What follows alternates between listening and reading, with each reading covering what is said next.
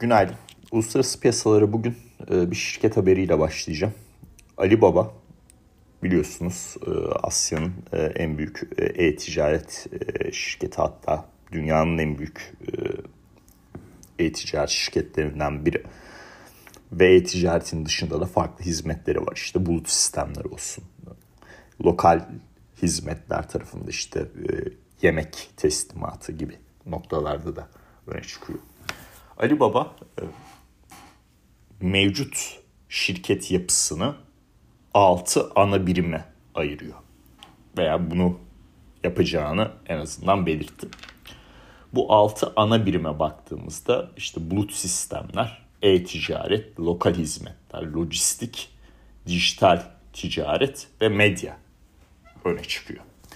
Şimdi bu niye yapılıyor derseniz çok uzunca bir süredir yaklaşık iki senedir hatta ondan da fazla olabilir. Bu regülasyonların Çin tarafında özünde Çin teknoloji şirketlerinin çok güçlenmesi ve parti tarafında da işte bir miktar tedirginlik yarat, yaratılması özünde regülasyonların ciddi artmasına sebep oldu. Yani bunun herhalde tetikleyicisi bu bütün regülasyonların artmasının tetikleyicisi e, Ali Baba'nın da e, ortağı olduğu Ant Financials e, yani bir fintech çok önemli bir fintech şirketi. Bunun halka arzının iptali ile başlayan bir süreç yaşamıştık özünde. Çünkü bu halka arz sürecinde Jack Ma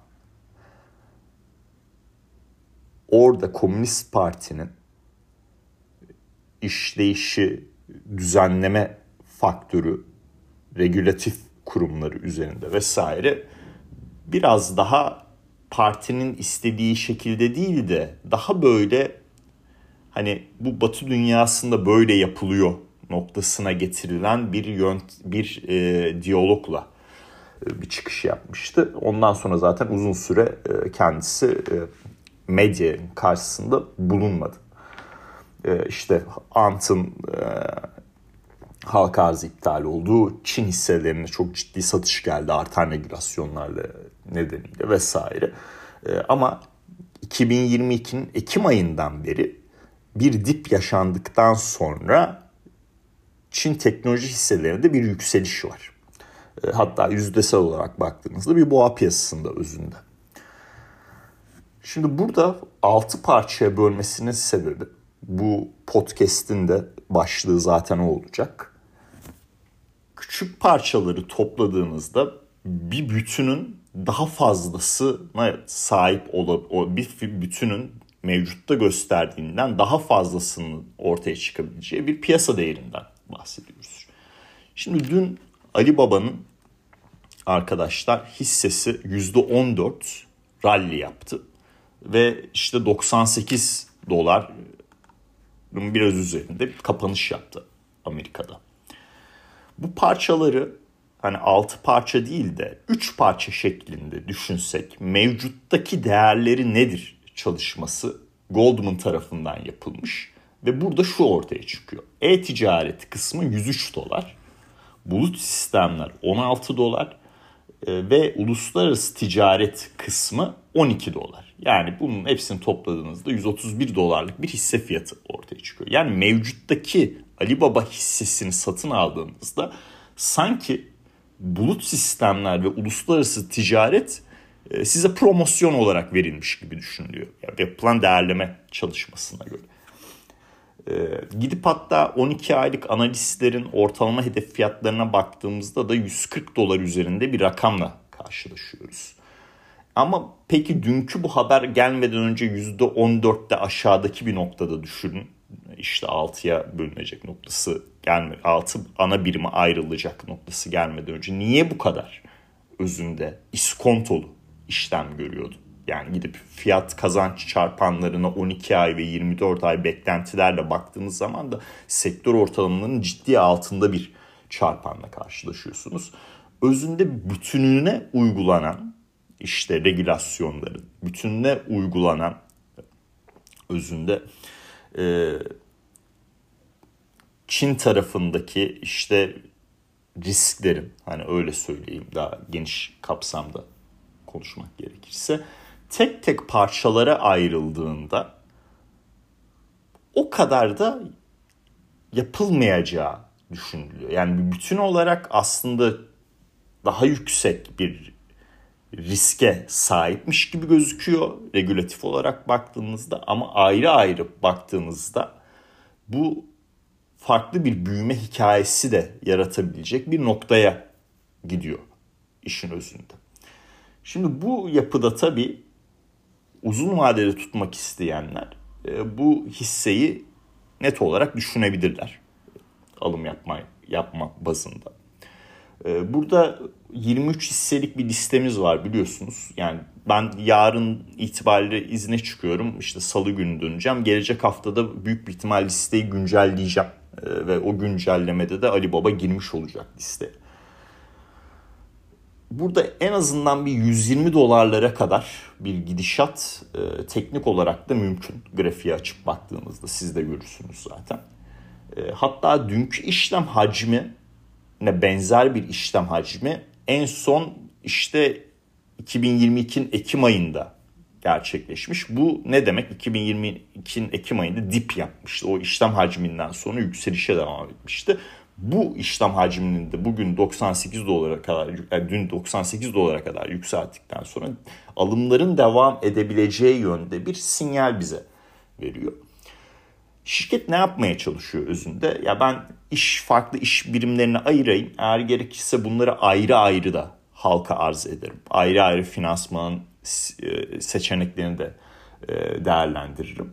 Ayrı ayrı büyüme hikayeleri de yaparım. Ama majör ortaklık konusu hani e, hala Alibaba'da kalır. Bu biraz JD.com'ın uyguladığı yöntem gibi özünde. E, diğer bir nokta tabii Alibaba'nın bunu seçiyor olması işte Tencent gibi başka bir isminde o da bayağı büyük bir şirket biliyorsunuz. Hani oyun dünyasında çok önemli ama farklı farklı e, noktalarda da ya Tencent'in bir girişim sermayesi fonu var. Yani girişim sermayesi yatırımları var. E, inanamazsınız yani o kendi, kendi başına ayrı bir dünya resmi. E, neyse bu gibi şirketlerin de farklı yap şirket yapılanmaları seçerek aslında içsel değerlerine daha yaklaşabilecek hisse fiyatlamalarıyla karşılaşabileceğimizi gösteriyor. Yani özünde Çin teknoloji sektörüne e, yatırımcı ilgisi bu haber akışından sonra daha da çok artacaktır. E, şirketlerin tekrardan işte e, yapılarını yapılarını e, değerlendirmeleri ve yeniden yapılanma stratejilerini seçmeleriyle beraber. Dolayısıyla e, bu tarafta önemli. E, işte e, genel olarak piyasayı da pozitif etkiler diye düşünüyorum e, bu yöntemin. JD.com gibi bir e, yapı oluşturacak. E, tabii Ali Baba'nın %24'ü Softbank'ta arkadaşlar. Softbank işte Japon e, e, bir e, teknoloji e, şirketi. E, yani içinde banka olduğuna bakmayın. İşte iki tane vizyon fonu var. E, bayağı yoğun e, yatırımları var. E, %24'ü de e, Ali e, Softbank'ta onun hissesi de dün ABD'de ADR'ı da var. ABD'de işlem gören hissesi de var.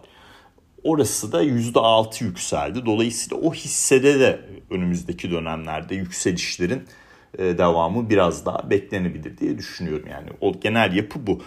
Daha da büyük pencereden bakarsak ya bu 2008 finansal krizi sonrası en çok eleştiri şuydu.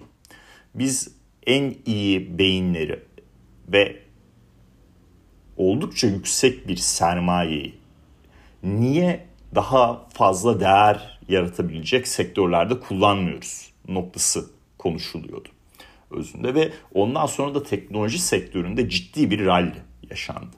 Ha daha sonra ne oldu? Regülasyonlarla ilgili ciddi öne çıkan noktalar oldu. İşte e, Facebook'un e, e, takip etmesi, Google'ın e, takip etmesi, bunların senatolarda konuşulması e, vesaire. Hani e, burada ciddi ciddi e, şirketlerin e, başka bir rakip çıktığında anında satın alması yerine acaba satın almaları mı engellesek noktasına getiren e, bazı düşünceler e, ve raporlar çıktı. Yani bankacılıkla ilgili nasıl e, o kadar büyük ki e, işte başarısız olamaz, too big to fail noktası var. E, teknoloji sektörüyle ilgili olarak da çok büyüdüler.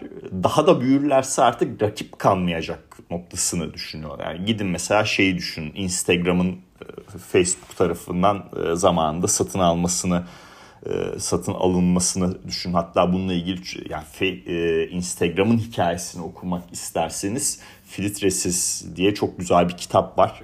Onu da tavsiye ederim. Bayağı keyifliydi onu okuduğum zaman. Unfilter olması lazım İngilizcesi. Ee, ben geçen sene veya ya bir buçuk iki sene önce okumuştum diye düşünüyorum. Ee, çok güzel bir e, kitaptır. Ee, tavsiye ederim e, onu size. Genel büyük yapıda işte biz 2008 sonrası hani bankalar bölünsün şu olsun bu olsun diye konuşulurken e, aslında büyük bankalar daha da büyük bir şekilde çıktı e, bu sürecin içinden. E, ama genel yapıda işte sektör çok satış yedi, regülasyonlar arttı, şu oldu bu oldu. Aslında benzer bir yapı da yani Fed'in faiz artışları sonrası daha da çok ortaya çıkan benzer bir yapıda teknoloji tarafında görülüyor diyor. Yani ciddi olarak satışlar yendi. E, işte regülasyonlar daha da çok e, böyle e, gündeme gelmeye başladı vesaire. Burada Çinli teknoloji şirketleri Amerikalılara göre bence daha önce davranarak böyle şirket tarafında farklı büyüme hikayeleri de oluşturabilecek bir e, yeniden yapılanmayı seçti. Bunu ABD'dekiler seçer mi seçmez mi bilmiyorum. E, ama e, bu aklımızın bir köşesinde muhakkak kalsın yani uzun vadeli bir perspektifte e, Ali Baba'nın yaptığı bu hamle bence oldukça önemli. Ki bunu eğer Tencent filan da izlerse önümüzdeki dönemlerde ya örnek veriyorum mesela Google'dan YouTube ayrılsın mı vesaire noktaları da konuşulmaya başlanabilir. Bununla ilgili aktivist yatırımcılar daha çok devreye girebilir. Yani onları da belirteyim. Yani bu sadece orada da kalmayacak bir şey ama bu büyük bir resimde baktığımda uzun vadeli bir perspektifte baktığım zaman öne çıkan e, bir nokta. Şimdi piyasalar tarafına gelecek olursak dün ABD'de iki tane önemli veri vardı. Bir tanesi konut fiyatları endeksi. Burada yani aylık bazda gene eksi bir rakamla karşılaştık. 2022'nin ikinci yarısı itibariyle aylık bazda konut fiyatlarında düşüş devam ediyor arkadaşlar. Yani enflasyonda çekirdek kısımdaki en büyük problem hatta manşette de artık Amerika'da kusura bakmayın barınma maliyetleri. Bu önümüzdeki dönemde bu tarafın rahatlayacağını gösteren bir e, bence sinyal. E, aklımızın bir köşesinde bu kalsın ama daha yakın vadeli olmak üzere. Diğer nokta da diğer ekonomik veri de e, tüketici güveni kısmı. Tüketici güveni Mart ayında verinin toplandığı zaman dilimine baktığımızda bu bankacılık haber akışlarının da olduğu zaman dilimini bir miktar içerdiğini de görüyoruz. Buna rağmen özünde hem beklenti üstünde hem bir önceki verinin üzerinde hem de bir önceki veri yukarıya revize edilmiş. Hani mevcut durum bir önceki verinin biraz altında ama hala yüksek. Beklentiler bir önceki veriden de iyi. Yani çok ciddi bir bankacılık krizi 2008 benzeri bir yapıda olsak hani beklentilerin tüketici güveninde beklentilerin böyle bir e, noktada olmasını beklemezdik. Hatta burada şeye de bakmak lazım. E, işte bu veri setinde hisse senedi e, beklentileriyle ilgili paylaşımlar da yapılıyor. Burada hisse senedi tarafında çok e, işte bearish, e, daha kötü bir algı, negatif bir algı durumu söz konusu ve uzunca bir süredir bu böyle. Genelde e, bu tarz e, işte algının aşırı negatifte uzun süre devam ettikten sonra hisse performansları olumlu yönde döner. Yani bu bir ters indikatör gibi düşünebilirsiniz e, özünde. Ama konut fiyatlarının işte gösterdiği şey bize hatta konut fiyatları Ocak ayı için geldi. Bir de onu da düşün hani Ocak ayında ABD'de ekonomik verilerin bu kadar iyi geldiği bir aydı yani. Onu da şey yapalım. E, hatta o Ocak ayı verileri nedeniyle Powell bu sıkılaşma döngüsünün en büyük yanlışını yaptı ve gerekirse hızlanırız dedi. Ondan sonra zaten e, e, çorap söküyor gibi her şey geldi. E, dolayısıyla hani bu e, Ocak ayı verisinde bile böyle bir şeyle karşılaşmamız bence çok önemli bir e, değişken. E, enflasyon risklerinin önümüzdeki dönemde daha azalabileceği ile ilgili bir gösterge. Tüketici güvenine baktığımız zaman Mart ayında bu bankacılık süreçlerini içeren zaman dilimi de bile e, baktığımızda ciddi bir kötü bir durum yok. Hatta beklenti üstü ve bir önceki rakamın üstünde bir veri setiyle karşı karşıyayız. Bu da ABD ile ilgili olarak ani bir resesyon. Yani 3 ay, 6 ay, 12 ay sonralarından bahsetmiyorum. Yani gelecek ay bir resesyona girecek mi veya 2 ay sonra bir resesyona girecek mi? İlk söylemimde 3 ayı atın 6 ay itibariyle alın e, düşünceyi.